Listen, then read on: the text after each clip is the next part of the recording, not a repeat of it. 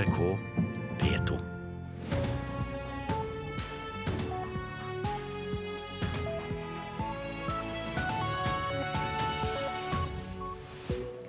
Velkommen til Nyhetsmorgen. Klokka er 6.30. Programleder i dag Anne Gjertlund Hansen, og dette er våre hovedsaker nå.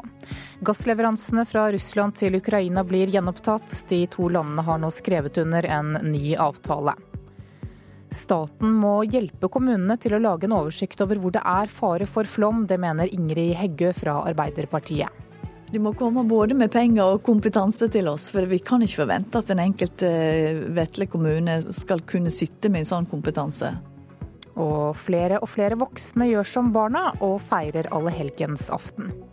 Jeg vet ikke, det er kanskje for få anledninger til å kle seg ut gjennom året. EU vil arbeide hardt for at den nye gassavtalen mellom Ukraina og Russland skal gjennomføres i praksis. Det kom frem etter at avtalen var klar i Brussel i går kveld. På EU-hold så var gleden stor over at gassstriden nå ser ut til å være over. With the strong support of the European Commission, Ukraine and Russia have today found agreement on their outstanding energy debt issues and on an interim solution that enables supplies to continue this winter. Ja, det sa José Manuel Barroso. Og Ukraina og Russland har blitt enige om finansieringen av gassleveranser, slik at forsyningene kan fortsette gjennom vinteren. Utenriksmedarbeider Jan Espen Kruse, hvor viktig er denne avtalen? Ja, Først og fremst er den veldig viktig for Ukraina, eh, som eh, da ikke har fått gassforsyninger fra Russland siden juni. Og nå eh, vil de altså fortsette.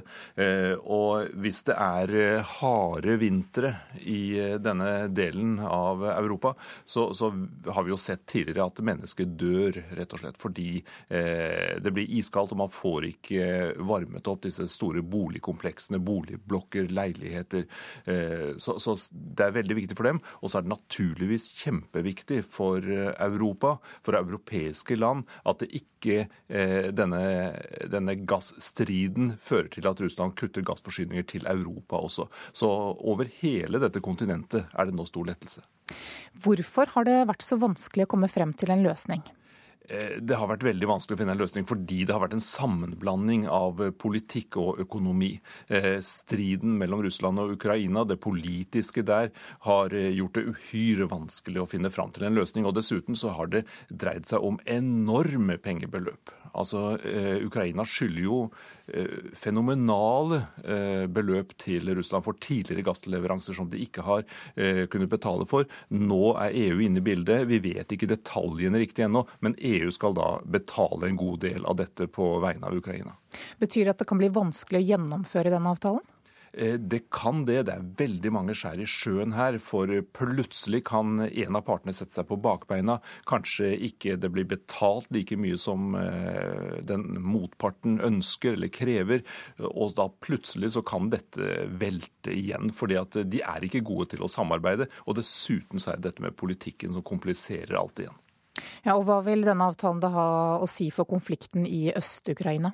Eh, noen håper på at den konflikten skal dempes noe da. Jeg tror det fortsatt er fare for at eh, konflikten øst i Ukraina vil fortsette. Eh, vi ser jo det er daglige kamper, det er skyting, det drepes mennesker hele tiden. Situasjonen er uhyre vanskelig der. Selv om vi i hvert fall kan håpe da på at denne gassavtalen vil bedre situasjonen noe. Takk skal du ha, Jan Espen Kruse. Flere krever at staten må engasjere seg mer for å få en bedre oversikt over flomfare, ikke minst på Vestlandet. Det er i dag kommunenes ansvar å ha oversikt over hva som kan skje dersom det kommer nye, store flommer i fremtiden. Og nå må staten inn med mer penger til dette. Det krever stortingsrepresentant Ingrid Heggø fra Arbeiderpartiet. De må komme både med penger og kompetanse til oss, for vi kan ikke forvente at den enkelte Vetle kommune skal, skal, kunne sitte med en sånn kompetanse, som sjelden blir brukt. Så, så det må nok mer hjelp til enn bare penger. Det er i dag kommunene som har ansvaret for å vite hva område som er i fare når klimaet er i endring. Men rundt om i landet er det svært varierende hvor langt en har kommet med kartlegging og planlegging for framtidige storflaumer. Flaumer som kanskje blir enda større enn de vi har sett i bl.a. Flom og Odda de siste dagene. Stortingsrepresentant Ingrid Heggø mener at staten må ta en større del av ansvaret for dette. Hvis du skal legge det på en kommune og småkommuner, så tror jeg at det vil bli veldig vanskelig for veldig mange. Eh, så jeg tror at dette er noe som staten må ta tak i. Olje- og energiminister Tord Lien fra Frp besøkte i går de flaumråka områdene på Vestlandet. Mellom annet var han i Odda og i Flom. Han peker på at i framlegget til statsbudsjett for 2015 er arbeidet med flomsikring styrka med 40 millioner kroner. Men det er kommunene sitt ansvar å kartlegge utfordringene med framtidige flommer, sier Lien. Det ansvaret forventer jeg faktisk at eh, kommunene tar, og sørger for at man har flomsonekart. Det er jo et helt nødvendig virkemiddel for god arealplanlegging. Stortingsrepresentant Ingrid Heggø er i alle fall overtydd om at det må gjøres mer for å forberede seg på økt nedbør, og dermed flere skadeflaumer i framtida. Vi ser jo at det skjer oftere og oftere, og klimaendringen er nok et faktum. Eh, slik at vi må bare begynne å tenke annerledes og være mer forberedt. Reporter var Geir Bjarte Jetland. Nå skal vi direkte til Odda i Hordaland, der flere fikk flytte hjem i går. Og reporter Tale Hauso, hvordan er forholdene der nå? Ja, I eh, går formiddag da eh, fikk eh, beboerne på Gjøllå, som er da er boligområdet på østsida av Opo, flytta hjem. Og på ettermiddagen så var òg geolog Jomar Bergheim og politiet på synfaring på vestsida av Opoelva. Eh, og Da bestemte de at flere evakuerte beboere de får flytte hjem igjen eh, der òg. Men det gjelder ikke alle. Eh, noen hus står ennå utsatt til. Men de her husene skal da bli vurdert på nytt i morgentimene i dag. Men nå er tallet oppjustert på hus som blir regna som ubeboelige, og det er da oppjustert nå til åtte. Og I natt så kom det en båt fra Kystverket til Odda. Hva skal den gjøre? Ja, for eh, det, det ekstremværet som har vært her i Odda, det, det, kan en rett og slett se over, utover når jeg ser over utover Sørfjorden her. Eh, for eh, når jeg ser utover fjorden, så kan jeg rett og slett se restene av heimene og husene til folk eh, som var tatt av flommen. Og det ligger jo da vrak gods i fjorden. Og disse skal da eh, kystverfartøyet MS Vestfjord eh, fjerne i dag.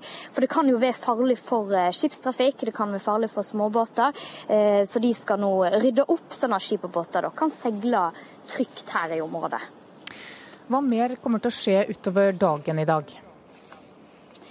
Eh, ifølge NVE så er det jo fremdeles eh, mye bratte skråninger, og det kan være farlig å være nær, sånn at flere sikkerhetstiltak skal bli satt opp.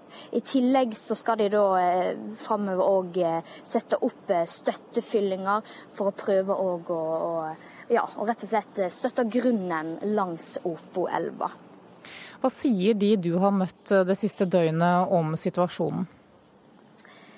Nei, det er uvirkelig. Det er Det går ikke an til å forestille seg. Eh, jeg snakka bl.a. med Werner Eide i går, som er en av de evakuerte som ikke får flytta hjem igjen ennå, men han fikk lov til å gå inn i huset sitt og ta med seg det mest verdifulle.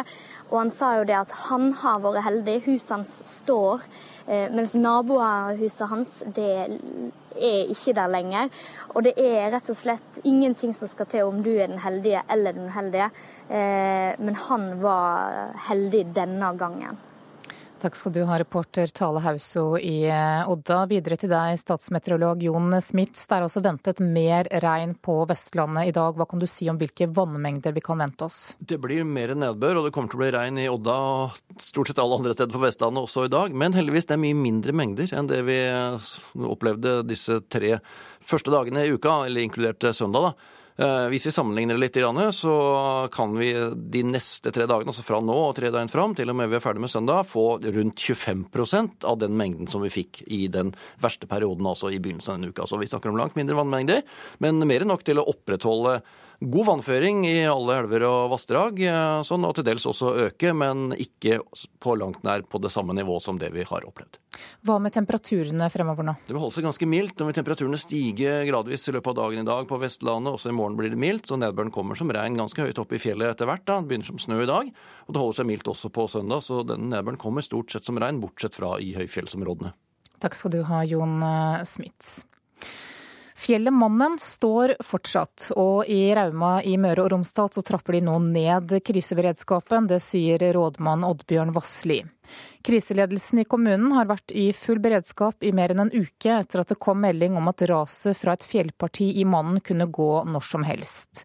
Og Vassli innrømmer at det har vært tøffe dager.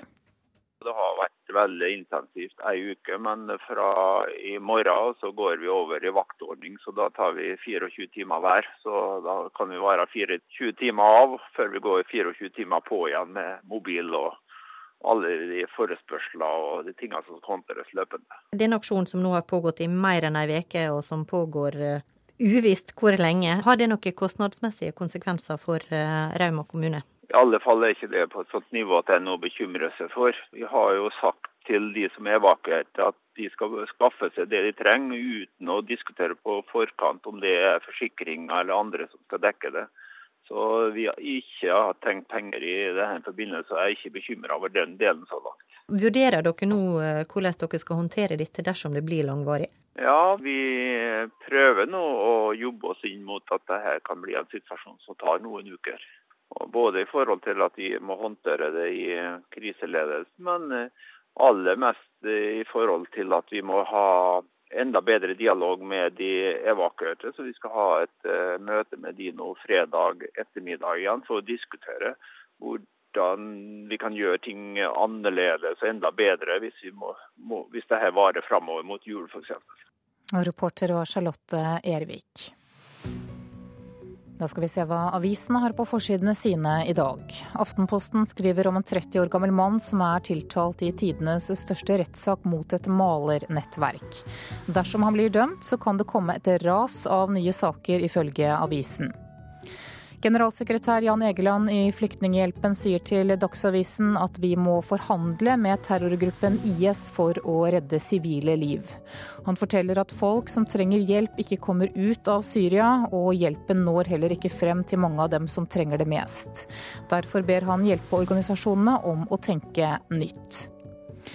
Det er ingen grunn til at nordmenn skal være mye sykere enn svenskene, ifølge Orkla-sjef Petter Rusika. Han mener høyt sykefravær handler om holdninger, og sier til Dagens Næringsliv at det er på høy tid å ta tak i fraværet her i landet. Forsker mener flomutsatte hus må flyttes, skriver Bergens Tidende. Dårlig planlegging er ofte en viktigere forklaring på store ødeleggelser enn dårlig vær, er konklusjonen i en ny forskningsrapport. Og mellom 70 og 80% av naturskadene skyldes at det bygges feil eller på feil steder, ifølge forskningslederen. Klassekampen skriver at kommunalminister Jan Tore Sanner advarer kommunene om å holde folkeavstemningen når de skal ta stilling til kommunesammenslåinger. Sanner mener at dette kan føre til konflikter. Filosofiprofessor Lars Johan Masterstvedt ved NTNU advarer mot normalisering av legeassistert selvmord. En kreftsyk 29-åring i USA har satt i gang en debatt etter at hun har tatt valget om å dø før hun dør av kreften. Egentlig skulle hun ta livet sitt i dag, men nå er det utsatt inntil videre. Sivs løftebrudd er overskriften i Dagbladet. Fremskrittspartiet lover velgerne å slanke staten, men som finansminister har Frp-leder Siv Jensen droppet slankekuren, skriver avisen. Nasjonen forteller at lederne ved Norges toppidrettsgymnas tar til orde for at vinter-OL i 2026 bør arrangeres i samarbeid mellom Trondheim og Åre i Sverige. Og ordfører Rita Ottervik synes det er en meget god idé.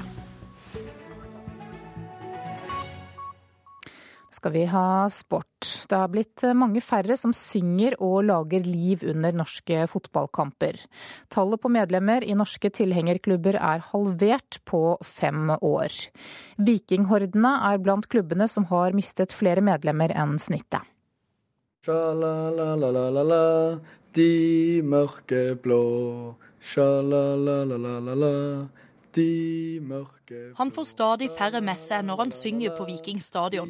Tommy Nærland, forsangeren til fanklubben Hordene, forteller at de aldri har vært så få som har sunget som under sist hjemmekamp i Stavanger. Det, jeg føler meg litt liten og dum egentlig når jeg står her framme nå. De siste sesongene har Vikinghordene krympa kraftig. Fra 1950 medlem for fem år siden til 720 i dag. Leder i Hordene, Geir Inge Fiskebekk, mener sviktende resultatet på banen er grunnen. Hvorfor er det så dødt? Jo, det er fordi det er jo ingen som gidder lenger. Ja, Er det så kjipt å være supporter nå for Viking? Det er kjipt å få, ikke få de resultatene som på en måte Viking går ut og lover år etter år. Skal man ikke være supporter i tykt og tynt, da? Høres fint ut, men bare, bare kom og stå. Men supporterklubben til Viking er ikke alene om å miste folk. Før var til sammen 30 000 med i en norsk fotballfanklubb, men nå er medlemstallet nesten halvert. Klanen har gått fra å ha over 10 000 medlemmer til 5500 på bare fem år, og er dermed fanklubben som har mista flest folk. Spillerne ute på gressmatta kjenner også på den dårlige utviklinga. Vikingkeeper Iven Austbø er blant dem som sist kamp fikk merke hvor få det er som nå synger under kamp.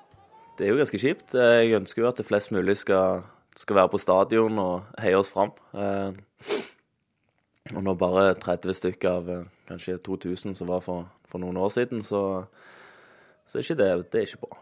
Men sjøl om pila stort sett peker nedover, har fanklubbene til både Strømsgodset med Norges mest populære 15-åring Martin Ødegaard og cupfinaleklare Odd klart å øke medlemsmassen ganske betydelig. Og det tenner et håp hos vikinghordenes leder. Vi håper jo at vi kommer tilbake til der vi var. Vi har vært oppe i 2500 medlemmer. Der vil vi. Reporter var Siri Vikne Pedersen. Du hører på Nyhetsmorgen nå. Klokka er 6.46, og dette er hovedsakene våre. EU vil jobbe hardt for at den nye gassavtalen mellom Ukraina og Russland skal gjennomføres i praksis. Flere i Odda i Hordaland får nå flytte tilbake til husene sine, men det er ventet mer regn de neste dagene. Og følg oss videre. Flere og flere voksne gjør som barna og feirer allehelgensaften i dag. I formiddag så starter Norges første ebolaøvelse. Bergen er én av fire norske kommuner som er utpekt til å ta imot mulige ebolasmittede pasienter som kommer til Norge. Og klokka 08.50 i dag så kommer første melding inn til Bergen lufthavn Flesland. Da går det ut en melding fra et eh, simulert fly fra London om at de eh, muligens kan ha en ebolasmittet passasjer om bord. Og da skal alarmen i tårnet gå, forklarer overlege ved helsevernenheten i Bergen kommune, Arve Bang.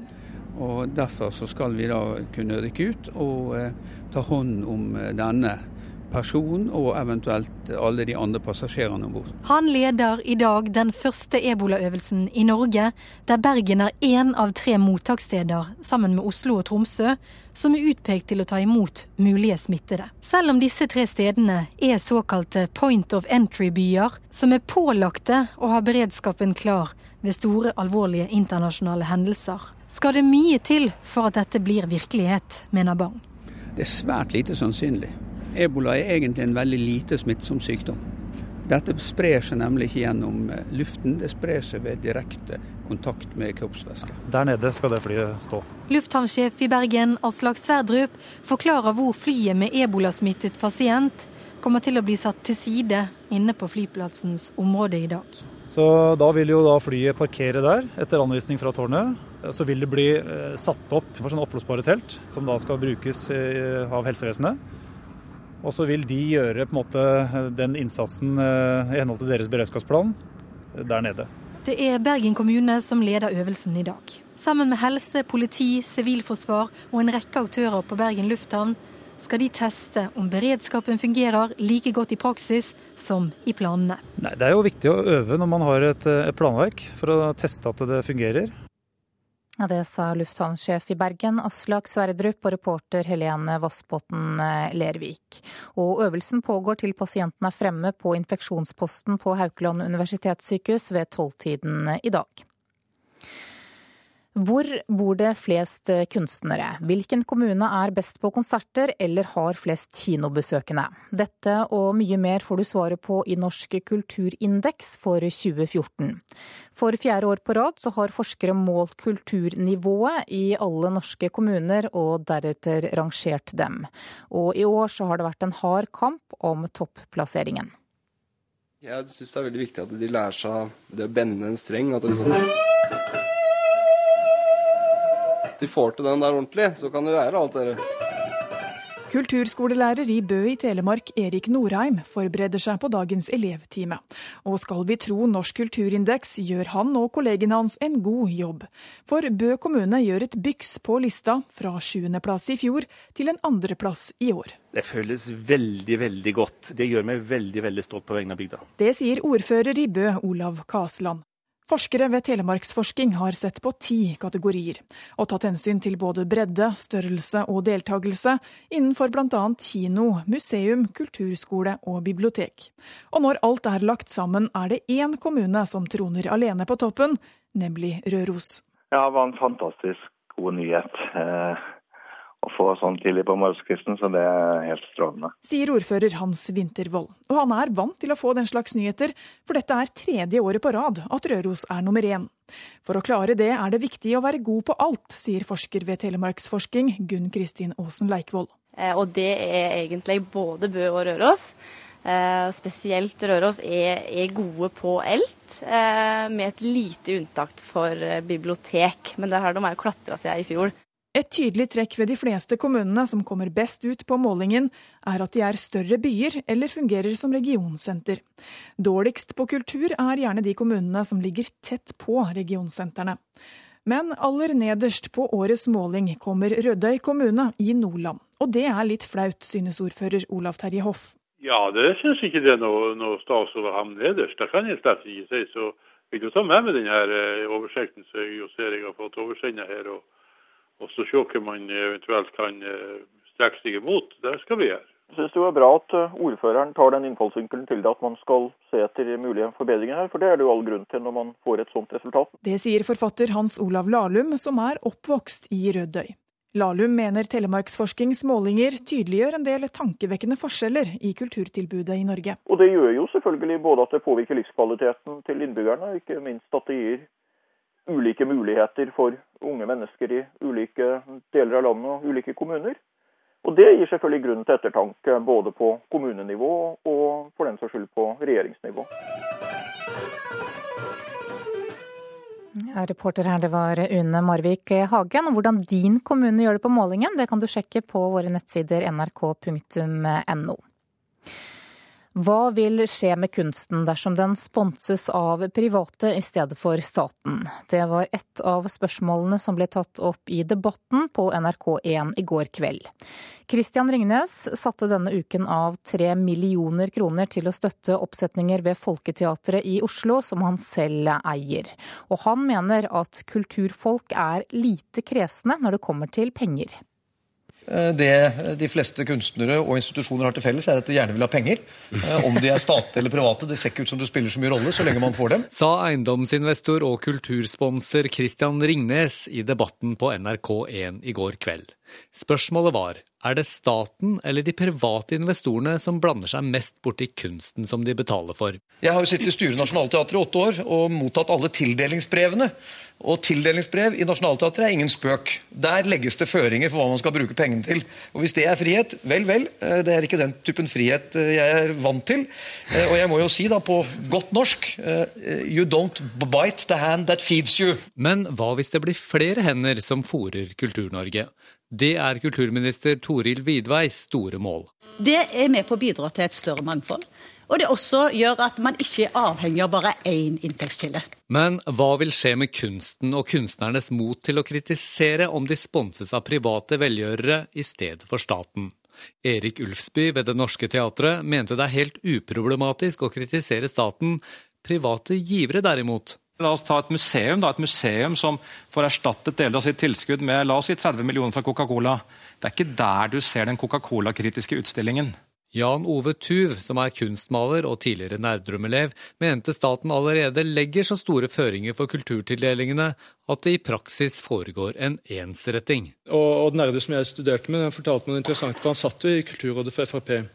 Eh, og Det som gjorde at han trakk seg fra å sitte der, var at han opplevde at søknader fra figurative malere ble tatt vekk. så De kom aldri frem til ham.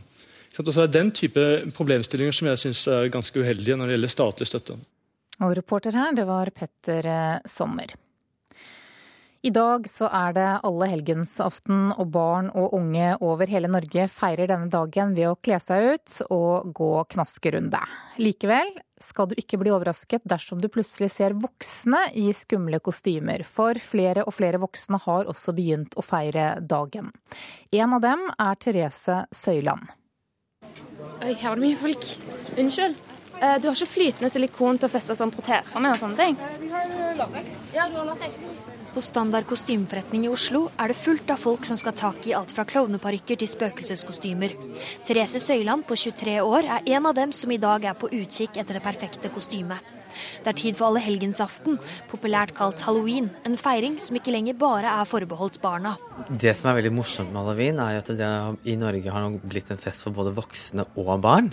Heldigvis ikke på samme dag, kanskje, men at de voksne også legger mye tid og energi i å lage en god fest og en sosial tilsetning for sine venner og familie. Sier partyfikser Ronny Ottem, som hvert år er med på å arrangere flere halloweenfester for voksne. Den moderne versjonen av feiringen kommer originalt fra Nord-Amerika og har beveget seg et stykke unna kveldens bakgrunn i folklore og religion. For Therese involverer ikke denne kvelden lenger knask eller knep, men en fest med venner som har kledd seg ut. Ja, tydeligvis det er mange som er liksom ute i siste liten shopping.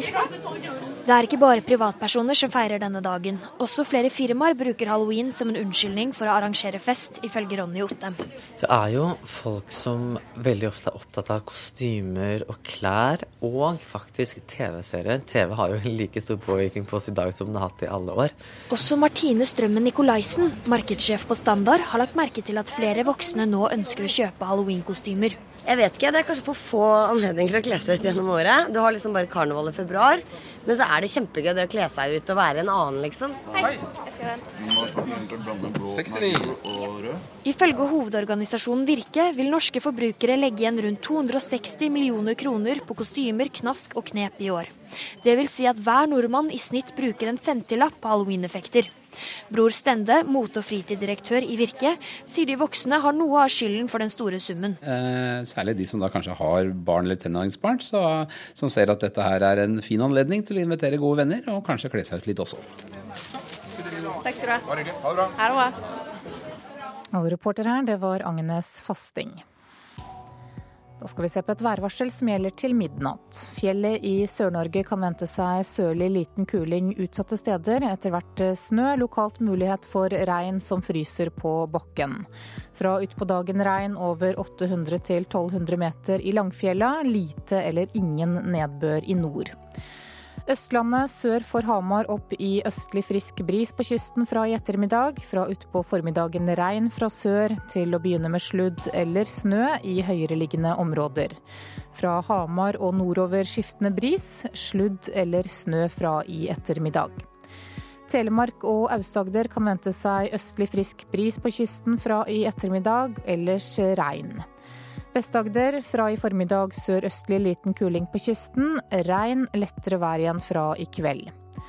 Rogaland og Hordaland sørøstlig stiv kuling utsatte steder. Fra i kveld også i Hordaland og i Sogn og Fjordane. Regn som brer seg fra sør. Møre og Romsdal østlig opp i frisk bris. Fra i ettermiddag litt regn i sør, ellers opphold. Trøndelag bris av skiftende retning nord for Trondheimsfjorden. Regnbyger, snø over 400-600 meter, ellers opphold. Fra i ettermiddag øst og nordøst opp i liten kuling, oppholdsvær i hele området. Nordland skiftende bris, spredte sludd- og snøbyger. I sør regnbyger. I ettermiddag østlig frisk bris utsatte steder, først i sør og mye pent vær. Troms skiftende bris, spredte snøbyger flest i ytre strøk, i kveld lettere vær. Finnmark nordvestlig frisk bris, utsatte steder, enkelte snøbyger, på vidda for det meste pent vær. Og Nordensjøland på Spitsbergen, østlig bris, enkelte snøbyger i vest, ellers opphold.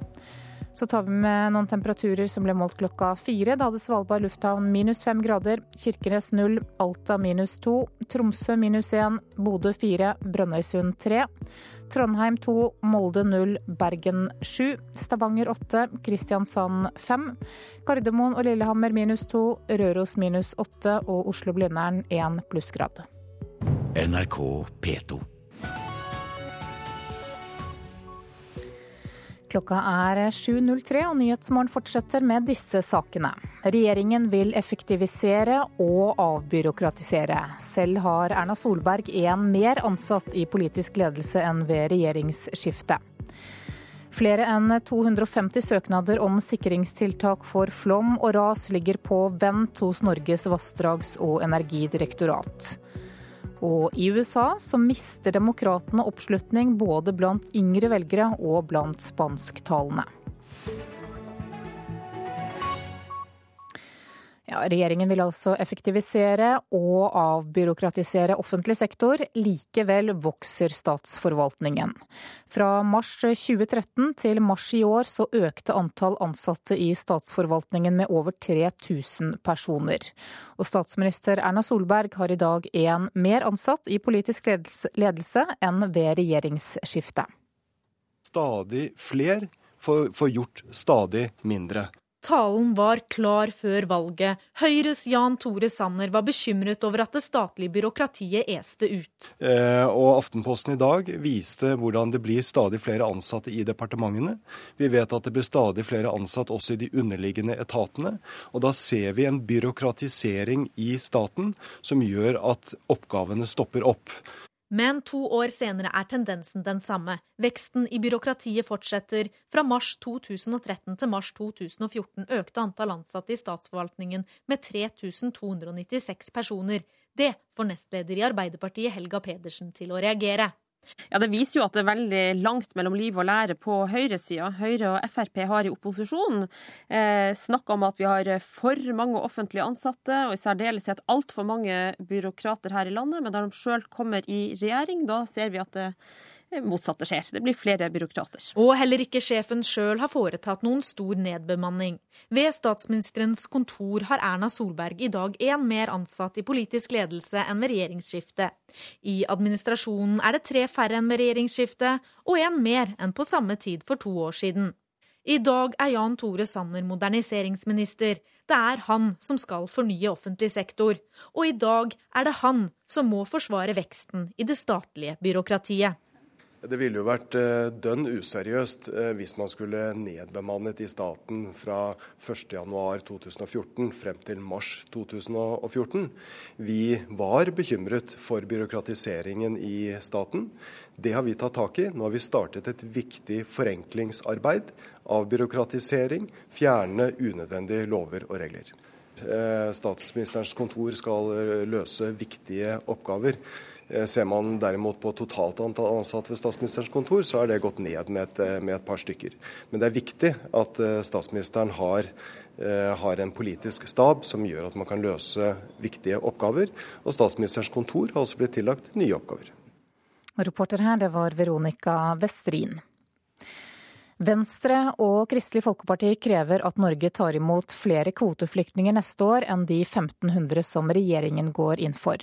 Bakgrunnen er situasjonen for de syriske flyktningene, og i Stortinget så er det et flertall for dette kravet. På mandag starter budsjettforhandlingene mellom Venstre, KrF og regjeringspartiene.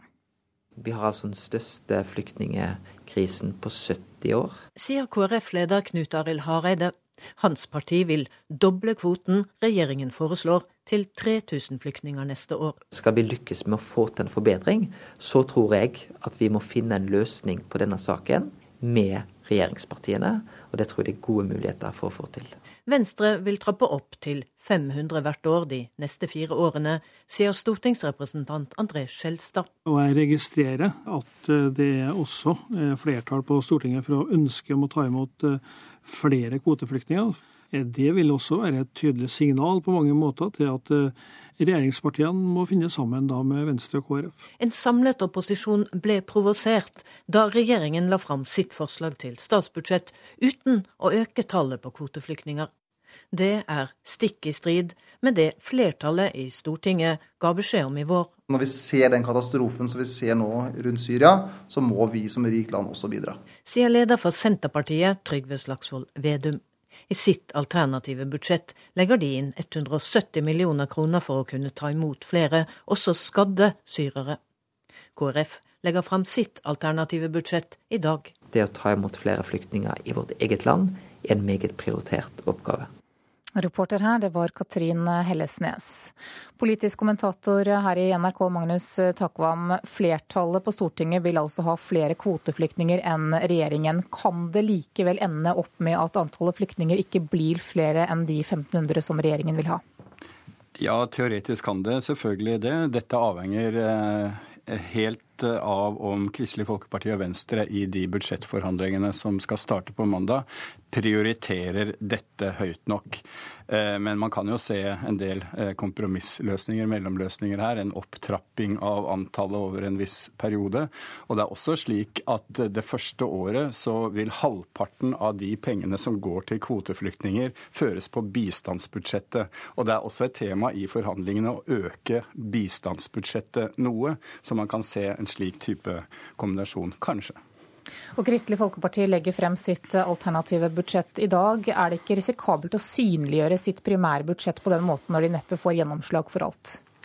Det kan man jo kanskje si. Det vil jo da avhenge veldig av hvor mye gjennomslag de får eller ikke får i, dette, i budsjettforhandlingene framover. Eh, blir det veldig lite, så er det klart at avstand til det primære budsjettet vil bli brukt mot dem. Opprinnelig hadde KrF eh, ikke tenkt å legge fram eh, et slikt eh, budsjett.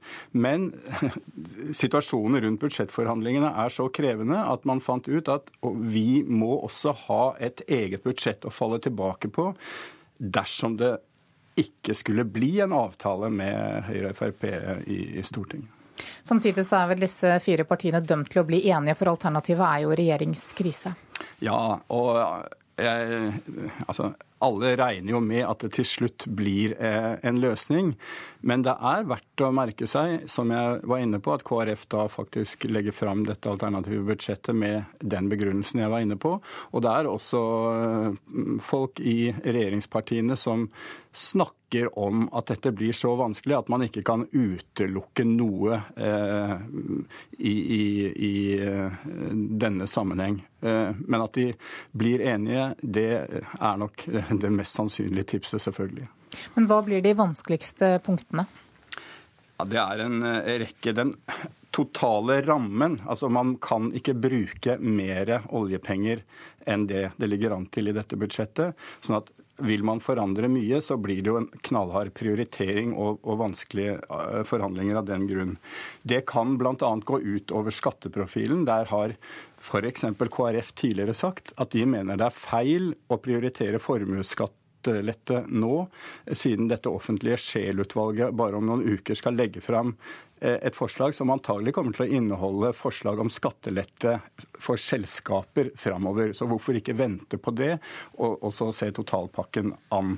Sånn at skatt, eh, total eh, ramme, miljøprofil, asyl- og flyktningpolitikk, det er nok å, å, å krangle om. Takk skal du ha, Magnus Takvam.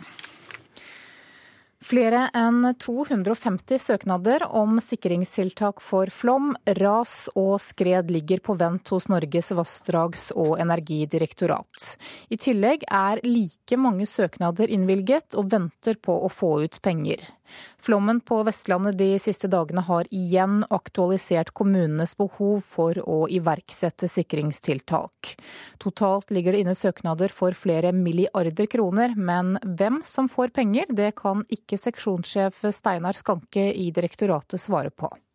Vi prioriterer ikke mellom regioner, vi prioriterer mellom de enkelte søknadene, de enkelte sakene. Eh, så hvor vi prøver å se alle sakene i hele landet under ett og prioritere det beste ut ifra den lista vi har. Denne veka fløymde vannet innover flere bygder og kommuner på Vestlandet.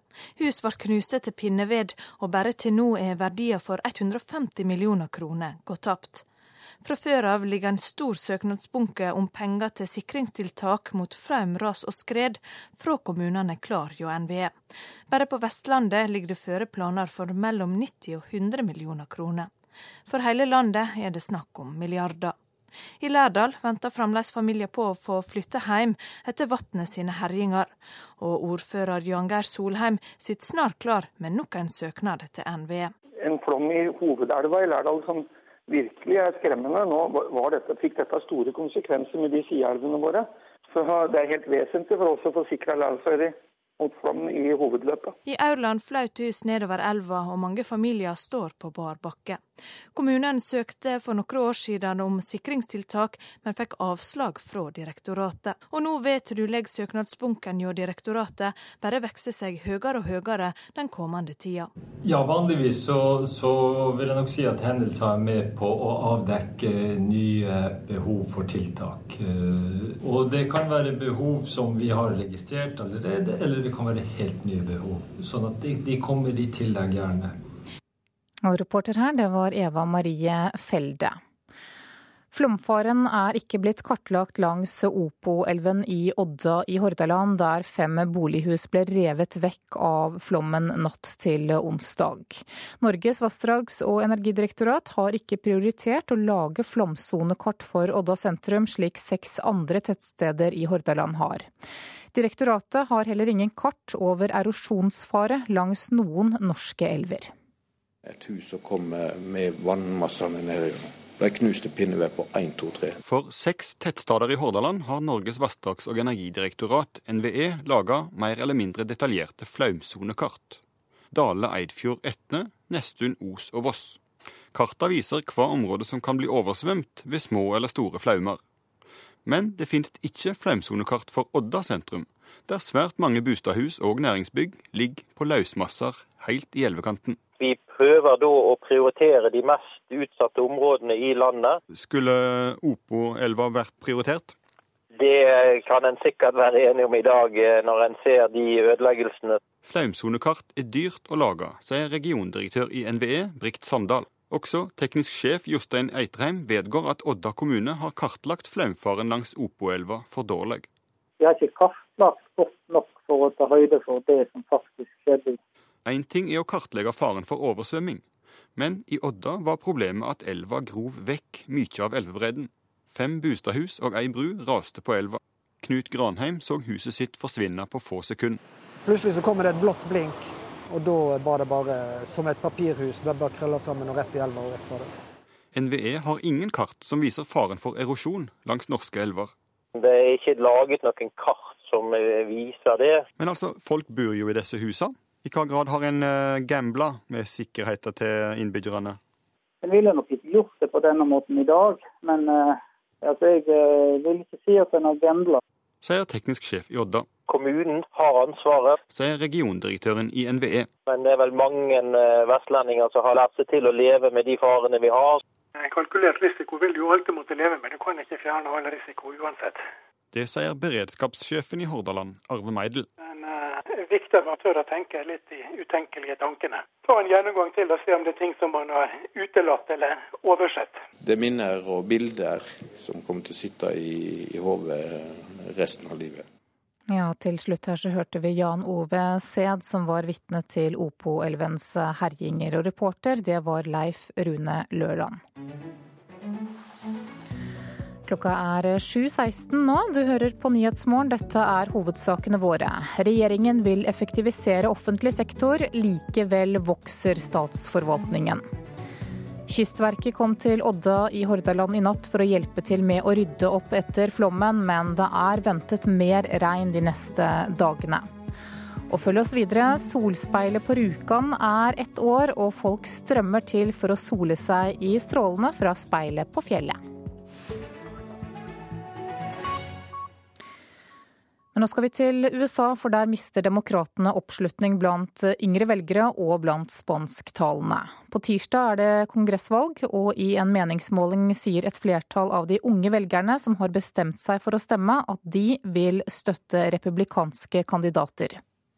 Tradisjonelt stemmer unge mellom 18 og 29 år demokratisk, men problemet for demokratene nå er at tre av fire ikke har bestemt seg for å bruke stemmeretten tirsdag. Og blant den firedelen som har bestemt seg, vil 51% stemme republikansk, 47% demokratisk.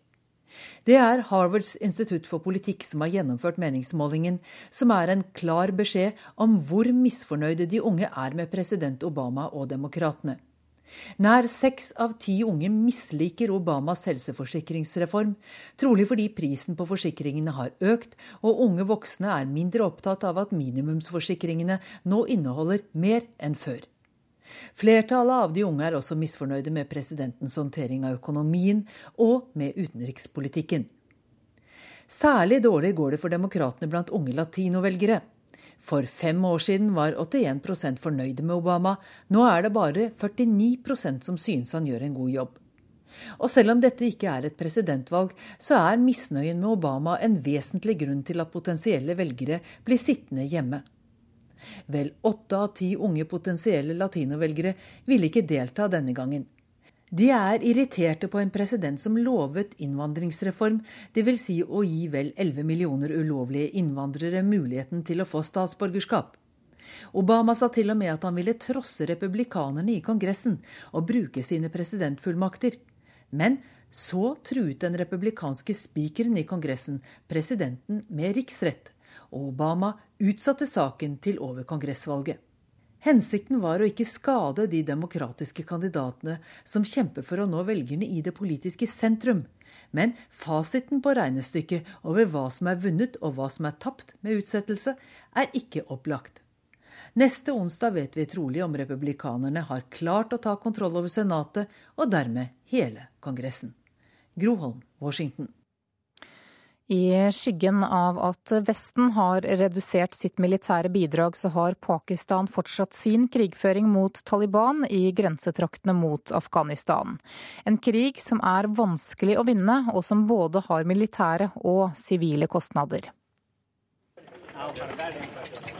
I en gate, støvete, ikke mer enn tre-fire meter bred, går familier i små grupper ned mellom husvegger i lokalt brent rød mursten.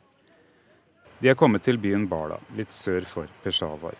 Enkelte av kvinnene bærer sekker med matvarer på hodet. Det er gått to uker siden det pakistanske militæret innledet en offensiv mot Taliban i Kyber-regionen på grensen til Afghanistan. 18 000 mennesker har måttet forlate sine landsbyer. Mange føler at de lever i en skvis med regjeringen på den ene siden og Taliban på den andre.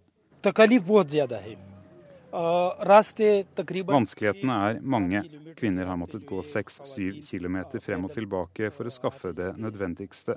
Det er ingen offentlig transport. Regjeringen burde slakke av på portforbudet, åpne skolen igjen og gi litt hjelp til å kjøpe mat.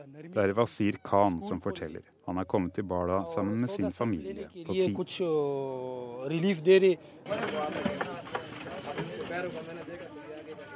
Folk i regionen er i likhet med Taliban i hovedsak pashtunere. De forteller også at Taliban patruljerer landsbyene for å hindre innbyggerne i å dra. Mange har måttet ta seg frem via kronglete, ukjente stier for å komme forbi forskansninger som Taliban har satt opp. Enkelte blir også tvunget til å holde seg inne i sine egne hus sammen med Talibans krigere, fordi kommandantene mener dette reduserer sjansen for flyangrep. I løpet av de siste få døgnene er en opptrapping av offensiven iverksatt. Militært har regjeringshæren vunnet terreng. Mer enn 100 terrorister har overgitt seg, sier generalmajor Asim Salem Bajwa, talsmann for militæret.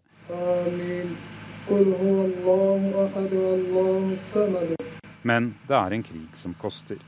Søndag var hærsjefen til stede i Peshawar da det ble holdt bønn for åtte soldater drept i operasjonen. Etter bønnen ble de sendt hjem til sine egne landsbyer for å bli begravet.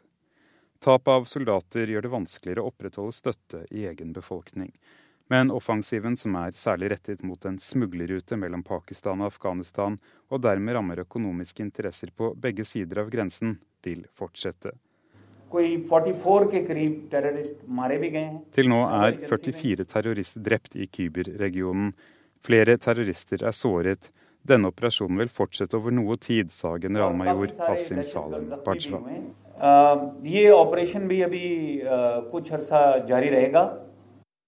Reporter her var Philip Lote. I Burkina Faso er det innført unntakstilstand etter de omfattende demonstrasjonene de siste dagene.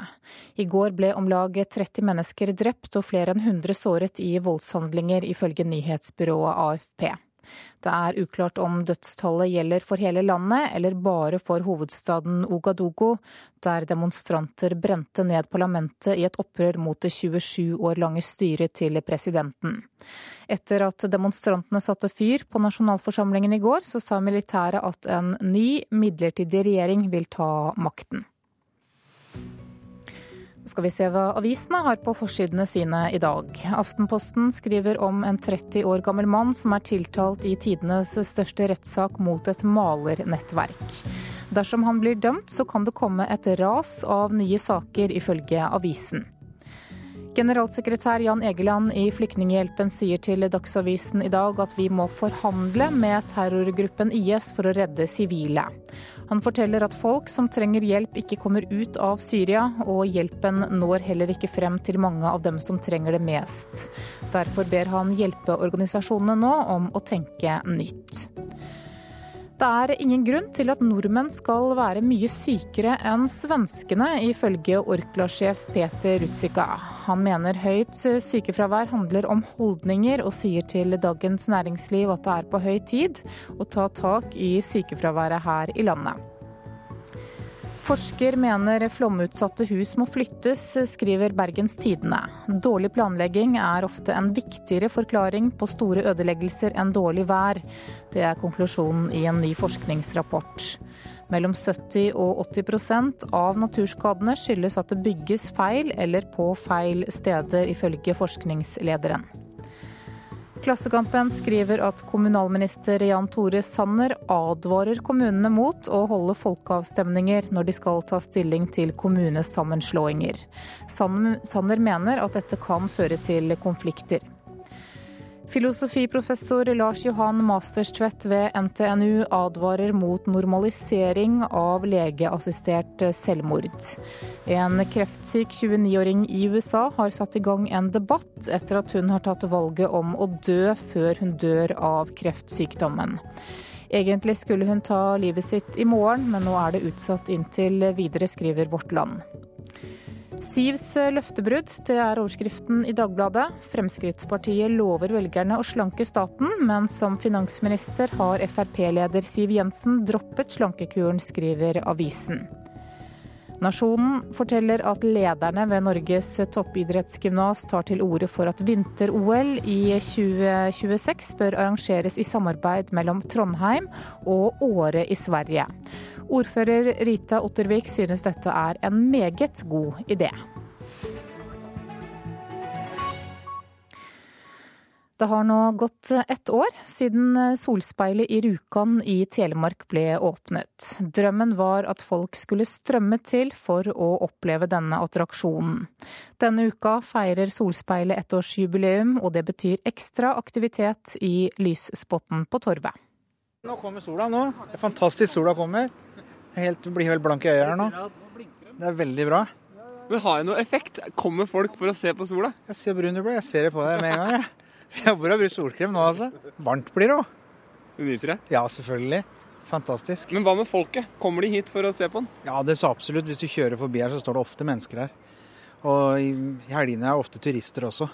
De som har hytte vestafor oppe i Rauland og hvile og sånne ting, de kjører jo denne veien hjem istedenfor å kjøre andre sida nedover for å komme i sola. Det er helt naturlig å stoppe her da. Folk blir glade når de kommer hit. Det sier Bjørn Neset. Han kommer inn på torvet i Rjukan samtidig med sola. Han gliser, og det gjør de andre som står der også. Lokalbefolkningen er tydelig stolte over sola si. Øystein Haugan er prosjektleder for Solspeilet, og sier speilene oppe i fjellsiden har fungert slik det var tenkt. Vi har hatt mye nytte av det, eh, og det har fungert veldig bra også. Eh, nå i sommer f.eks.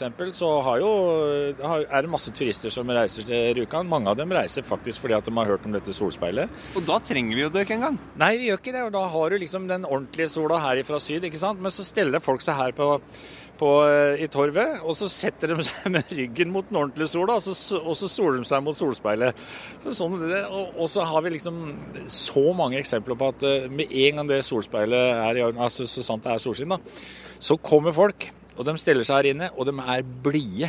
Og det er jo en veldig bra bidrag til verden, at vi greier å lage blide folk. Ja, Og dere får de veldig konsentrert, for alle må jo samles i det samme lyset. Ja, det er det de må. Og da, når de står her og koser seg og de syns dette her er litt galskap, så begynner folk å prate med hverandre òg, vet du. Og det det er, da, da skjer ting.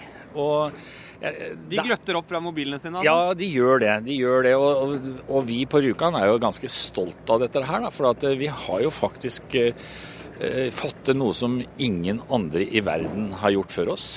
Eh, det er riktignok et lite speil i, i, Italia, men de det er ikke på noenlunde så avansert som det greiene her. Så dette er vi liksom aleine om i verden, og det er jo litt moro å være det, da. Det skjer akkurat i dette øyeblikket, for nå traff solen de tre store speilene. Da Solspeilene ble åpna i fjor høst, var hele verdens øyne retta mot Rjukan. Journalister fra hele verden fortalte videre om de blanke speilflatene som reflekterer lys ned på torvet som i alle år har vært uten sollys på vinterstid. Håpet den gang var at dette skulle generere turisme, og ifølge frisøren, som har oversikt over alt som skjer på torvet, Kristina Stavrum, så har det også skjedd. Det er det faktisk. Eh, det er helt unikt. Eh, du kan tenke deg en sola står på, så er det som en magnet. Det blir sånn dominobrikker. Eh, for en stund tilbake så kom det faktisk studenter fra Paris, kunststudenter fra universitetet. De hadde tatt sparepengene sine, tatt et fly, leid en bil for å komme og se. Og, og hele tida har vi inne turister fra hele verden som kommer for å se på det her. Det er unikt. Hva er det du står og selger her? Nå selger jeg solbrente mandler. Eh, du begynner å få litt hjelp nå? Ja, nå begynner du, siden du får sola på, så får du liksom den ekstra lille gylne smaken som skal til. da. Så Da blir de liksom litt mer kalamiserte. og Det er liksom det, folk, det, er det som er suksessen. Du står det, på skiltet ditt foran her. Solbrente? eller? Nei, nå står det brente mandler, for vognen er dansk. Men, eh, du torde ikke? Nei, jeg tenkte at jeg tok ikke sjansen. Hvis ikke sola kommer, så har du på en måte laget egget. Ja, Det sa altså Benny Ofstad, som altså selger solbrente mandler i sollyset på torvet på Rjukan. Reporter det var Stian Worsø Simonsen. Klokka nærmer seg 7.30 og Dagsnytt. Etter det så kan jeg fortelle at statsminister Erna Solberg er på plass i Politisk kvarter om 15 minutter. Produsent for Nyhetsmorgen i dag er Kari Bekken Larsen, og her i studio Anne Jetlund Hansen.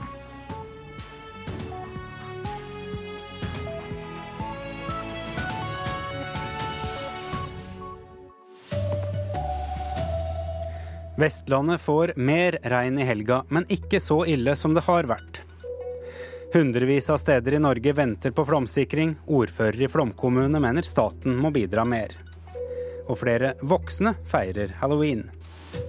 Her er NRK Dagsnytt klokka 7.30. Ja, det kommer mer regn over de flomrammede områdene på Vestlandet i dag og resten av helga. Statsmeteorolog Jon Smits sier det likevel ikke blir så ille som tidligere i uka. Det blir mer nedbør, og det kommer til å bli regn i Odda og stort sett alle andre steder på Vestlandet også i dag. Men heldigvis det er mye mindre mengder enn det vi opplevde disse tre første dagene i uka, eller inkludert søndag. da. Eh, hvis vi sammenligner det litt, så kan vi de neste tre dagene, altså fra nå og tre døgn fram, til og med vi er ferdig med søndag, få rundt 25% av den mengden som vi fikk i den verste perioden, altså i begynnelsen av denne uka. Så vi snakker om langt mindre vannmengder, men mer enn nok til å opprettholde god vannføring i alle elver og vassdrag, eh, sånn, og til dels også øke, men ikke på langt nær på det samme nivå som det vi har opplevd. Reporter Tale Hauso, du er i Odda i Hordaland, der altså flere fikk flytte hjem i går. Hva betyr været for opprydningsarbeidet etter flommen? Ja, Her jeg står nå, så er det på vei å lysne i Odda. Det regner ikke. Eh, og det er, akkurat i dag så er det ikke så mye som minner om det eh, det ekstreme været som har vært her i Odda eh, for tre døgn siden. Eh, og eh, ute her i Sørfjorden så ligger beviset på de dramatiske dagene. Her ligger da restene av heimene og husene til folk som blir tatt har blitt tatt av flommen. Og Ved siden av meg her så ligger da kystverkfartøyet MS Vestfjord.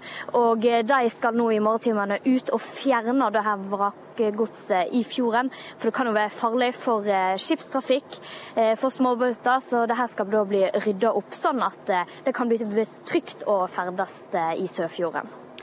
Hva skjer med dem som ikke får flytte hjem ennå, Tale?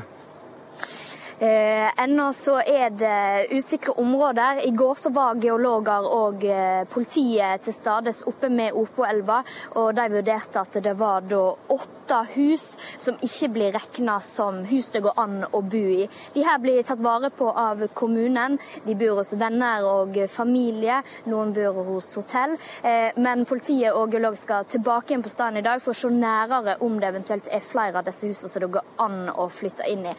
Men eh, noen av de jeg har prata med, de, de, vet ikke om de engang har lyst å flytte inn igjen, for det har vært noen dramatiske dager. Og de opplevelsene de har hatt, gjør ikke at de ønsker å flytte tilbake igjen med en gang. Takk til reporter Tale Hauso i Odda. Og veldig mange kommuner venter på svar på sikringssøknader. Nå vil ordfører i flomkommunen Nord-Fron ha et statlig fond til unnsetning når naturkatastrofen inntreffer. Over 250 søknader om sikringstiltak ligger for tida på vent hos NVE. Ordfører Olav Røssum sier samarbeidet med statlige myndigheter har vært vanskelig. Fra helikopteret over Odda ser man tydelig restene av den røde husveggen i det skittengule vannet. En gang var det et hjem. Ordfører i Nord-Fron kommune, Olav Røssum, vet hva Odda og andre nå går igjennom. Kommunen hans har to ganger på tre år hjelpeløst sett vannmasser spise opp gård og grunn. Men så kommer en ny tung runde, erstatningsprosessene etterpå. For Nord-Fron innebar det kontakt med fem forskjellige departementer, statsministerens kontor, fylkesmannen osv. Det gjør at uh, ting og tiltak som burde vært gjennomført fort, det blir ikke gjennomført fort nok. fordi at en må gå runder med avklaring om hvem som har ansvar bl.a. for finansieringa. Men den flomvante ordfører Olav Røssum mener han har løsningen. Det bør opprettes et nasjonalt fond som gjør det lettere å få satt i gang tiltakene før det er for sent tiltakene er lette å se hva som må gjøres. Det kan en fort eh, finne ut. Spørsmålet som ofte stopper tiltakene, det er hvem skal betale for det. Til sjuende og slutt så blir det regjeringa og staten som må ta regninga uansett. Kanskje kunne noen av erstatningssøknadene vært unngått. For hos Norges vassdrags- og energidirektorat ligger det nå mer enn 250 søknader om sikringstiltak for flom, ras og skred. Reportere Ellen Borge Christoffersen, Ole Martin Sponberg og Eva Marie Felde. Venstre og KrF krever at Norge tar imot flere kvoteflyktninger neste år enn de 1500 regjeringen går inn for. Bakgrunnen er situasjonen for de syriske flyktningene. André Skjelstad fra Venstre tror regjeringen vil lytte til kravet. Og jeg registrerer at eh, det er også eh, flertall på Stortinget for å ønske om å ta imot eh, flere kvoteflyktninger. Det vil også være et tydelig signal på mange måter til at eh, regjeringspartiene må finne sammen da med Venstre og KrF. I Burkina Faso er det innført unntakstilstand etter de omfattende demonstrasjonene de siste dagene. Etter at demonstrantene satte fyr på nasjonalforsamlingen i går, sa militæret at en ny, midlertidig regjering vil overta makten. Demonstrantene feiret i gatene i hovedstaden Ogadogo i går kveld, etter at militæret hadde grepet inn. For å beskytte landet fra kaos oppløser vi herved nasjonalforsamlingen, sa talsmannen for militæret, og la til at regjeringen også er oppløst. Deretter lovte han at det skal holdes frie valg innen tolv måneder. Men det betyr ikke at eh, president Compaore er villig til å gi fra seg makten med det første. De voldsomme demonstrasjonene startet fordi han ville endre grunnloven, slik at han kunne bli gjenvalgt nok en gang neste år, etter å ha ledet landet i 27 år. I går trakk han det omstridte forslaget, men sa samtidig at han fortsetter som landets leder i ett år til. Det spørs om demonstrantene sier seg fornøyd med det. Det var Afrikakorrespondent Kristine Presttun som rapporterte, og FNs spesialutsending for Vest-Afrika er sendt til landet i et forsøk på å roe ned situasjonen. Regjeringen vil effektivisere og avbyråkratisere offentlig sektor, men statsforvaltningen vokser. Fra mars 2013 til 2014 økte antall ansatte i statsforvaltningen med over 3000 personer, og statsminister Erna Solberg har i dag en flere ansatt i politisk ledelse enn ved regjeringsskiftet. Stadig fler får gjort stadig mindre. Talen var klar før valget. Høyres Jan Tore Sanner var bekymret over at det statlige byråkratiet este ut. Men fra mars 2013 til mars 2014 økte antall ansatte i statsforvaltningen med 3296 personer. Det får nestleder i Arbeiderpartiet Helga Pedersen til å reagere. Høyre og Frp har i opposisjon eh, snakka om at vi har for mange offentlige ansatte, og i særdeleshet altfor mange byråkrater her i landet. Men da de sjøl kommer i regjering, da ser vi at det motsatte skjer. Ved statsministerens kontor har Erna Solberg i dag en mer ansatt i politisk ledelse enn regjeringsskiftet. I dag er Jan Tore Sanner moderniseringsminister, og i dag er det han som må forsvare at det statlige byråkratiet eser ut. Nå har vi startet et viktig forenklingsarbeid. Fjerne unødvendige lover og regler. Og Statsministerens kontor har også blitt tillagt nye oppgaver. Reporter her, Veronica Westrin. I dag er det halloween, og barn og unge over hele Norge feirer denne dagen ved å kle seg ut og gå knask eller knep. Likevel skal du ikke bli overrasket hvis du plutselig ser voksne i halloweenkostymer, for, for flere og flere voksne feirer nettopp denne dagen. Therese Søyland er en av dem. Oi, her var det mye folk. Unnskyld. Eh, du har ikke flytende silikon til å feste sånn protesene med og sånne ting? På Standard kostymeforretning i Oslo er det fullt av folk som skal tak i alt fra klovneparykker til spøkelseskostymer. Therese Søyland på 23 år er en av dem som i dag er på utkikk etter det perfekte kostymet. Det er tid for allehelgensaften, populært kalt halloween. En feiring som ikke lenger bare er forbeholdt barna. Det som er veldig morsomt med halloween, er at det i Norge har blitt en fest for både voksne og barn. Sier partyfikser Ronny Ottem, som hvert år er med på å arrangere flere halloweenfester for voksne. Det er ikke bare privatpersoner som feirer denne dagen. Også flere firmaer bruker halloween som en unnskyldning for å arrangere fest, ifølge Ronny Ottem. Det er jo folk som veldig ofte er opptatt av kostymer og klær, og faktisk TV-serier. TV har jo like stor påvirkning på oss i dag som den har hatt i alle år. Hei. Skal Ifølge hovedorganisasjonen Virke vil norske forbrukere legge igjen rundt 260 millioner kroner på kostymer, knask og knep i år. Det vil si at hver nordmann i snitt bruker en femtilapp på halloweeneffekter. Bror Stende, mote- og fritidsdirektør i Virke, sier de voksne har noe av skylden for den store summen. Eh, særlig de som da kanskje har barn eller tenåringsbarn, som ser at dette her er en fin anledning til å invitere gode venner, og kanskje kle seg ut litt også. Takk skal du ha. Ha det bra. Ha det bra. Reporter her, Agnes Fasting. Ansvarlig for denne sendingen, Anders Borgen Werring. Teknisk ansvarlig, Hanne Lunås. Og her i studio, Arild Svalbjørg. Klokka er 7.40 og Nyhetsmorgen fortsetter. Og som vi hørte i Dagsnytt, i kveld er det altså allehelgensaften, alle også kalt halloween. Det innebærer bl.a. uthulte gresskar med lys og kostymer i alle tenkelige og utenkelige varianter.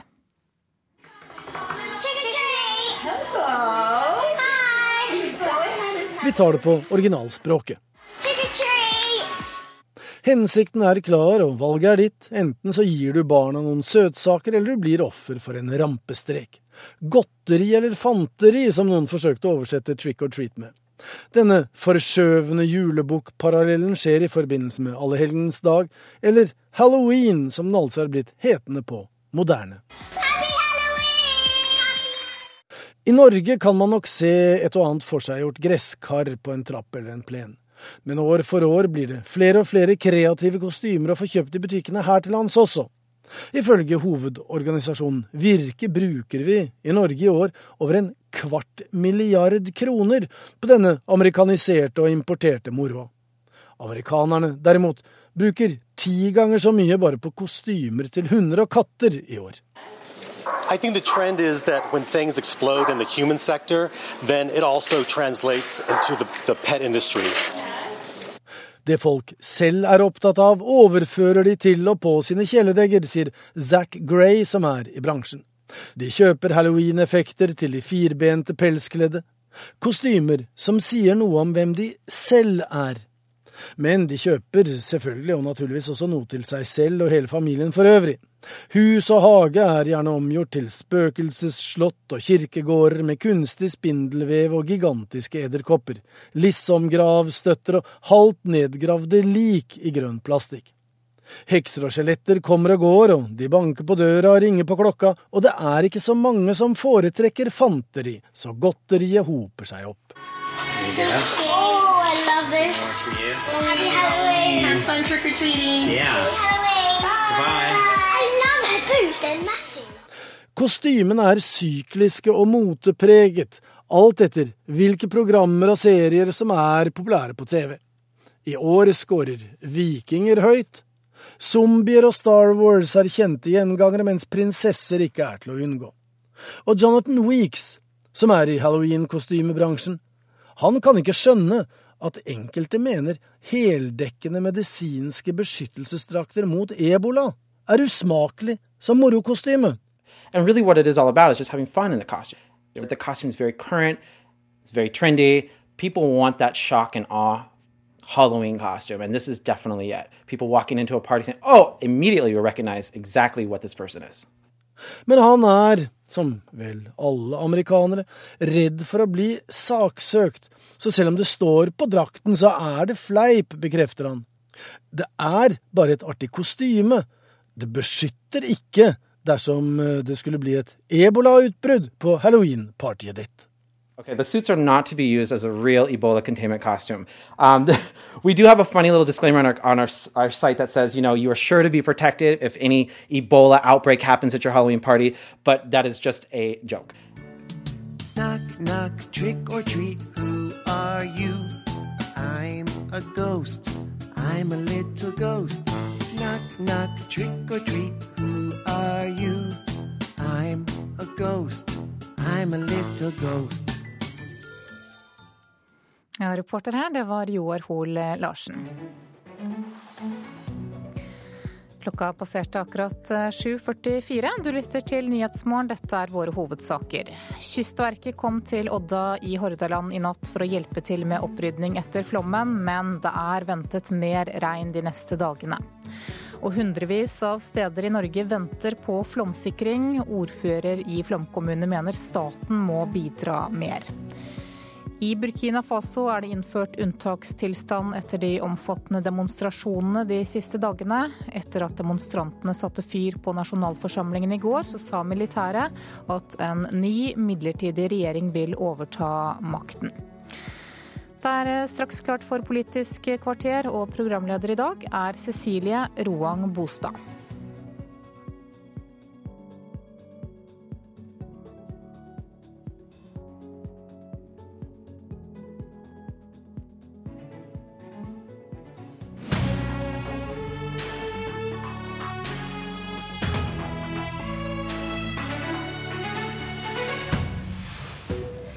Regjeringens forslag til kutt i formuesskatten er blitt kalt en skattefest for de aller rikeste. Regjeringen kritiseres for å ikke kunne dokumentere at kuttet faktisk vil gi den effekten de hevder. Vi prøver å finne svarene her i Politisk kvarter. Og i går ble det mange oppslag om en uautorisert bok om nettopp statsminister Erna Solberg. Fra fiasko til statsminister heter den. Hva mener hun selv om boken? Riktig god morgen. Velkommen til Politisk kvarter. Og vi begynner vi med, med den uautoriserte boken om deg, Erna Solberg. Har du lest den? Nei, jeg har bladd noen eh, sider i den, eh, og jeg tenker at eh, dette står for forfatteren sine synspunkter. Jeg, min holdning til dette er at jeg driver politikk. Jeg mener at jeg som politiker og som statsminister og som partileder tidligere kommer til å bruke tiden og kreftene mine på å konsentrere meg om hvordan vi skal gjøre Norge bedre. Det er mitt fokus, ikke alt annet. Ja, For mye av fokuset i går og oppslagene dreier seg jo veldig mye om din endring, da særlig med tanke på utseende. Hva synes du om at politikere, kvinnelige politikere fortsatt måles eh, gjennom utseendet? Jeg har lært meg å leve med at folk er opptatt. Det ville være enda verre hvis de ikke hadde vært opptatt av meg, men jeg håper at de er mest opptatt av politikken. Min erfaring med dette er jo at det norske folk er ganske klokt. De er mest opptatt av hva du som politiker har tenkt å gjøre. Synes du forfatteren går over streken? Jeg har ingen kommentarer til selve boken. Jeg, altså.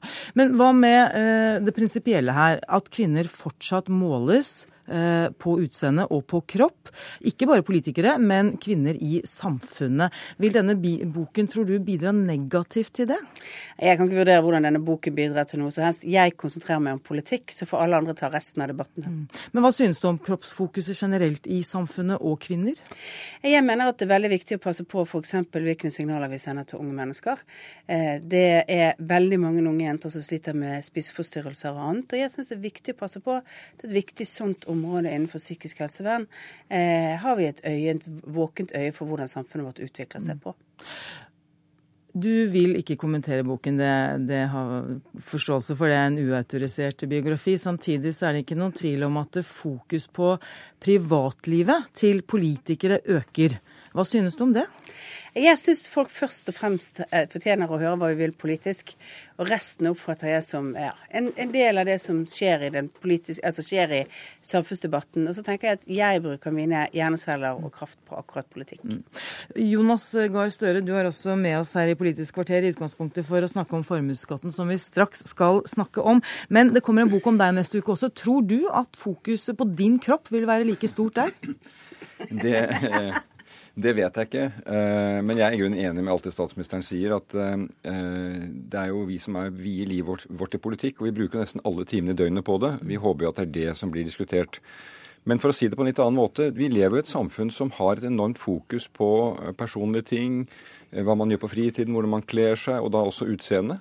Så det er jo ikke så overraskende at det også da opptar den type journalistikk som ender mellom to permer når de skriver om politikere. Så det er noe man må leve med? Vel, altså, Vi har ytringsfrihet. så jeg mener det, det, De skriver jo for å selge bøker. Men, men jeg har kommentert en boka om Erna som jeg ikke har lest. At hun er en såpass uh, interessant og betydningsfull politiker at det bør være nok å fylle en bok om hennes politiske virke og liv uh, når den skal handle om politikk. Og nå lar vi det handle mer om uh, politikk her. Formuesskatten. Det er en skatt som dere, Erna Solberg, har blitt kritisert for en skattefest for de aller rikeste, er det mange som sier. Eh, du har blitt eh, nærmest anklaget for ikke kunne dokumentere effektene på hva eh, kuttet i formuesskatten vil bidra med. Kan du det nå? Dokumentere det? Altså først får jeg si at altså, Formuesskatten er ganske særnorsk. Det er nesten ingen land som har den typen skatt på arbeidsplasser som Norge har. Den er en skatt som går på de arbeidsplassene som er eid av nordmenn. Eh, dette kan ha mye med synet på hva slags, eh, hva slags, kapitalisme vil du ha. Vil du ha den nære tilstedeværelse, de som investerer i bedrifter i lokalsamfunnet, eller syns du det er bra med bare utenlandske eh, store eiere som kommer og ikke har kjennskap til lokalsamfunnene? Men jeg mener at det er ganske godt dokumentert at, at f.eks. sparingen kan bli mindre av den typen skatt. OECD har påpekt at i noen områder så er det altså mer enn 100% skatt på sparing pga. formuesskatten i Norge. Vi vet jo at når bedriftene må ta penger ut av bedriften istedenfor å investere i forskning, utvikling og annet, ja, så betyr det at det blir mindre penger til utviklingen. Eh, men så er det en ting som er Det er ikke så mye forskning på selve virkningen i Norge av formuesskatten, men det er nylig laget en eh, liten forskningsrapport som bl.a. påpeker at det er et ganske stort velferdstap. Det betyr at vi faktisk gjennom formuesskatten får mindre penger disponere, disponere til, til eh, velferd, fordi at den rammer investeringene. Men så er det stor politisk diskusjon om alle skattene våre og hva som er viktigst. Men vi hører på de som faktisk jobber hver dag i norske bedrifter, og der er det et veldig klar beskjed. Den er gründerfiendtlig, den er arbeidsplassfiendtlig, og den er investerings- og sparingsfiendtlig. Men nettopp fordi det er vanskelig å forutsi konsekvensene, og nettopp fordi det ikke er Altså det er jo selvfølgelig vanskelig å forske på noe som ikke er eh, gjennomført fra før av, men har dere ikke da gått litt for høyt på banen når dere hevder at dette vil bidra til verdiskapning? Jeg mener at det er ganske innlysende at dette faktisk bidrar til mer verdiskaping. For hvis du ser på hva de som selv når vi vet hvor få som faktisk eh, Ja, men, men, det er jo nettopp derfor vi kan se hva de bruker pengene sine på. De reinvesterer i nye arbeidsplasser. La meg ta et eksempel på en av de største industribyggerne vi har hatt i moderne tid, Alf Bjørseth. Han har altså bygget nye bedrifter med nye industriarbeidsplasser. Noen av de flotteste nye teknologiene, også innenfor miljøteknologi i Norge. Hva er det han har sagt? Han sa at REC ville aldri eksistert hvis man fra 2001 til 2003 hadde dagens, altså den rød-grønne regimet på formuesskatten. For da ville de dødd i dødens dal, altså den nedgangen, den i begynnelsen hvor du ikke tjener penger. Og det er jo litt av utfordringen vår. Vi må løfte oss oppover og se hva vi skal fremover. Vi skal omstille dette samfunnet til et grønnere samfunn. Vi skal omstille det til nye typer arbeidsplasser. Da må vi ha flere Bjørsetter, vi må ha flere som investerer.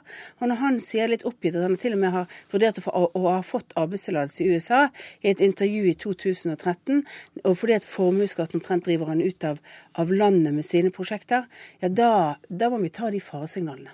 Støre, du sitter og rister på hodet her. Eh, hva er galt med å kutte i formuesskatten altså, når du det er hører interessant å eh, høre Solberg? statsministerens argumentasjon. Jeg husker For et år siden og to år siden så brukte hun en lang rekke enkelteksempler på folk som ble forferdelig rammet av formuesskatten. Én etter én ble de eksemplene avslørt som å ikke holde vann. Det var bedrifter som ikke hadde måttet ta opp lån, det var bedrifter som ikke betalte formuesskatt. Så argumentasjonen blir veldig svekket. Og så mener jeg det at eh, det som er interessant her, er jo at dette er den viktigste pengesatsingen i budsjettet. Så dette må vi da tolke som det aller viktigste temaet å ta tak i i Norge. Ja, så du, og da tenker du på fordelingsprinsippet her? Ja. Nei, altså jeg tenker om bruken av penger. Altså Man bruker det handlingsfriheten vi har. Hovedtyngden går inn her. Og 50% av dette kuttet går altså til 5% av befolkningen. Da vi satt i regjering, så reduserte vi antallet som betalte formuesskatten, slik at det er 15% av oss som betaler den skatten. Fra Frischsenteret her i Oslo, på Universitetet i Oslo så sier de, og det er en ganske interessant setning, det er faktisk vanskelig å komme på skattekutt som er mindre vekstfremmende og mer ulikhetsskapende enn disse. Slik at jeg mener at prioriteringen er feil. Det viktigste for Norge er ikke dette. Det viktigste er å investere i infrastruktur i byene, mer til forskning, mer til sykehusene, mer til gründerne. Eh, Det viktigste eh, Og så får vi altså se en sosial profil etter budsjettet pga. de valgene som gjør at vi på den ene siden ser milliarder i retning av disse veldig få. Eh, Og for de pengene kunne vi altså anta, ansatt 5000 nye lærere, om vi skulle bruke et eksempel på noe annet. Og så ser vi samtidig kuttene, de usosiale kuttene. Enten, er, enten det er eh, kulturtilbud til eldre, barnetillegg til ufør eller annet. Og Det viser altså en profil i en regjering og en satsing og bruk av det vi har av tilgjengelige midler, som er ikke bare usosial, men den er gal for å skaffe et bedre grunnlag for at vi skaper verdier i Norge. Jeg syns det, det er interessant å høre hva eh, en ganske fremtredende Arbeiderparti-representant som faktisk driver næringsvirksomhet, har sagt om det. Lisbeth Berg-Hansen. Jo, jeg syns det er viktig å si at vi tar ut av bedriften, eh, hva vi tar ut av bedriften, gjør vi ikke helt klart.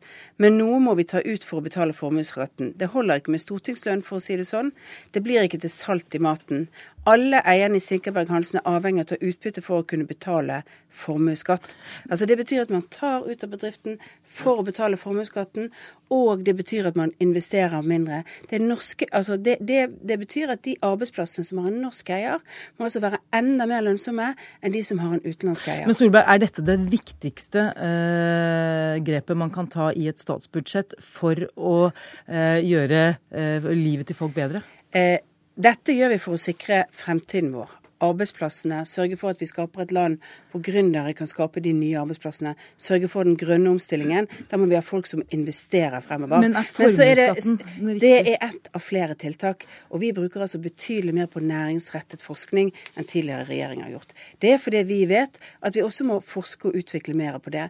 Vi har 4,2 økning i forskning i dette budsjettet. Betydelig høyere enn det som har vært gjennomsnittet under de, under de årene vi har hatt en rød-grønn regjering. Fordi vi også tar et løft på det. Og vi tar et stort løft på samferdsel fordi vi skal ned kostnadene for norsk næringsliv. Men vi kan gjøre alle disse tingene og samtidig sørge for at rammebetingelsene rundt det å skape nye bedrifter blir så dårlige at eh, man likevel ikke får effekten i form av arbeidsplasser. Og jeg føler at i den norske politiske debatten så, så, så, så tar man ikke inn over seg hva det betyr at vi går inn i denne omstillingen med lavere aktivitet i olje- og gassvirksomheten. Vi har ganske mange år nå kunnet hvilt oss på høy olje- og gassaktivitet. Det har gjort oss mer oljeavhengige. Når vi skal ut av oljeavhengigheten, da må vi faktisk sørge for rammebetingelser som skaper Men de nye arbeidsplassene. Når det er så få som faktisk altså Når det viser seg tall for Aftenposten er bl.a. at halvparten av de som får eh, mindre formuesskatt, er pensjonister, hvor vil da veksten komme? Det, grunnen til det er at vi også øker innslagspunktet. Og det som er det interessante med det som har skjedd de siste åtte årene på formuesskatten, er at man har økt beskatningen på bedriftene, arbeidsplassene og eierne, men, eh, men man har gjort det litt lettere for flere pensjonister. Nei, pensjonistøkningen bidrar ikke direkte til mer vekst, men det gjør vi fordi vi mener det er riktig når vi løfter for de som investerer mest i bedriftene, så løfter vi også for folk flest som betaler formuesskatt, og det er norske pensjonister. Ja, Støre, øh, ja, du Nei, altså, jeg, jeg bare jeg registrerer at eh, i takt med at fagekspertisen, næringslivet og andre, Bergens næringsråd, som du kjenner, statsminister, jeg var og besøkte dem, de la opp en liste foran meg over de viktigste tingene de ønsket fra myndighetene. Formuesskatten kom på sjuendeplass. Og jo flere slike innspill det kommer, jo viktigere blir det å gjøre dette. Nå skal dette redde oss for det grønne skiftet, og vi skal berge klimaet med å kutte formuesskatten. Jeg var og besøkte en fiskeforedlingsbedrift oppe i Honningsvåg for to dager siden. En gründer. 95% går til eksport. Han sa til meg formuesskatten den kan jeg godt leve med. Det jeg ikke kan leve med, det er at det kuttes i innovasjonsmidler. Men- og det som trengs for. Jo, men ikke sant, det viser jo at effekten av det vi kan bruke av det vi tar inn som fellesskap for å støtte forskning, støtte utvikling Jeg sier ikke at formuesskatten er perfekt, vi kan jobbe med den for å innrette den bedre, men det å fjerne den, kutte på denne måten, det gir disse enormt skjeve fordelingene og argumentasjonen til regjeringen om at her skal vi få vekst. I betyr- beste fall altså, så blir det mer sparing. Alle næringsorganisasjonene som kommer og sier hva de prioriterer høyest, prioriterer faktisk formuesskatt høyest. Og jeg går jo i det norske, i bergenske næringslivet ofte, og det er én ting som er ganske soleklart, det er at formuesskatten oppleves som noe av det mest vekstfiendtlige. Men men så jeg må bare høre med- så har vi i høst får vi en stor rapport som vi satte i gang og bestilte, og som regjeringen følger opp, nemlig om selskapsskatten. Det er altså andre typer skatter. Og går vi til OECD og andre steder og spør om skattemidler for å fremme vekst og utvikling, så peker de ikke på formuesskatten som det viktigste. Da peker de på selskapsskatt, skatten på ditt og mitt arbeid. Og den debatten vi da skal få, den blir nå litt ødelagt ved at regjeringen bruker opp så mye handlingsrommet vårt på denne veldig skjeve skatten, som er en av de mest treffsikre for å treffe de som har stor formue. Men når du argumenterer så for å beholde det- formuesskatten, betyr det at dere i deres alternative budsjett vil eh, reversere det regjeringen har lagt frem i sitt forslag? vi forslag? foreslår ikke disse kuttene. Når vi ser frem mot 2017 Vi har jo valgt å legge frem våre budsjettene på et skattenivå som vi varsla før valget i fjor. Og det vi vil ser- dere holde? Ja, det vil vi holde. Men når vi ser mot 2017, så vil jo vi se på hvordan kan vi utforme et skattesystem som både er rettferdig, at de med sterke skuldre bærer de største byrdene, men som også er produktivt. Og Jo, men Mener vi- du at regjeringen her legger opp til med overlegg å ta fra de eh, fattige og gi til de rike? Vel, det er i hvert fall helt åpenbart når vi ser på profilen i dette budsjettet, at det er en teori som ligger her. At de rike, de aller rikeste, de kommer til å jobbe mer om de får mer. Men de fattigste kommer til å jobbe mer om de får mindre. Veldig og kort det til er slutt, Hvorfor er det så vanskelig for regjeringen å overbevise det norske folk om at dette vil redde norske arbeidsplasser? Når, me, når meningsmålingene har vært, så er det faktisk omtrent et flertall som mener at det er riktig å gjøre noe med formuesskatten av hensyn til bedriftene. OECD Men det- påpekte- resten av de- det norske folk? Når OECD påpekte at uh, vi har et dårlig klima for gründerskap i Norge og bør løfte det, så var formuesskatten en av de tingene de påpekte. Mm. Den rammer hardt. Det er altså sånn at forskjellen på overskuddsskatten, bedriftsbeskatningen og formuesskatten er at formuesskatten må, må bedriften gi penger til eieren for å betale om det går dårlig eller om det går bra. Overskuddsskatten betaler du bare når det går bra. Og med det er Politisk kvarter over. I studio Cecilie Roang Bostad. Hør flere podkaster på nrk.no podkast.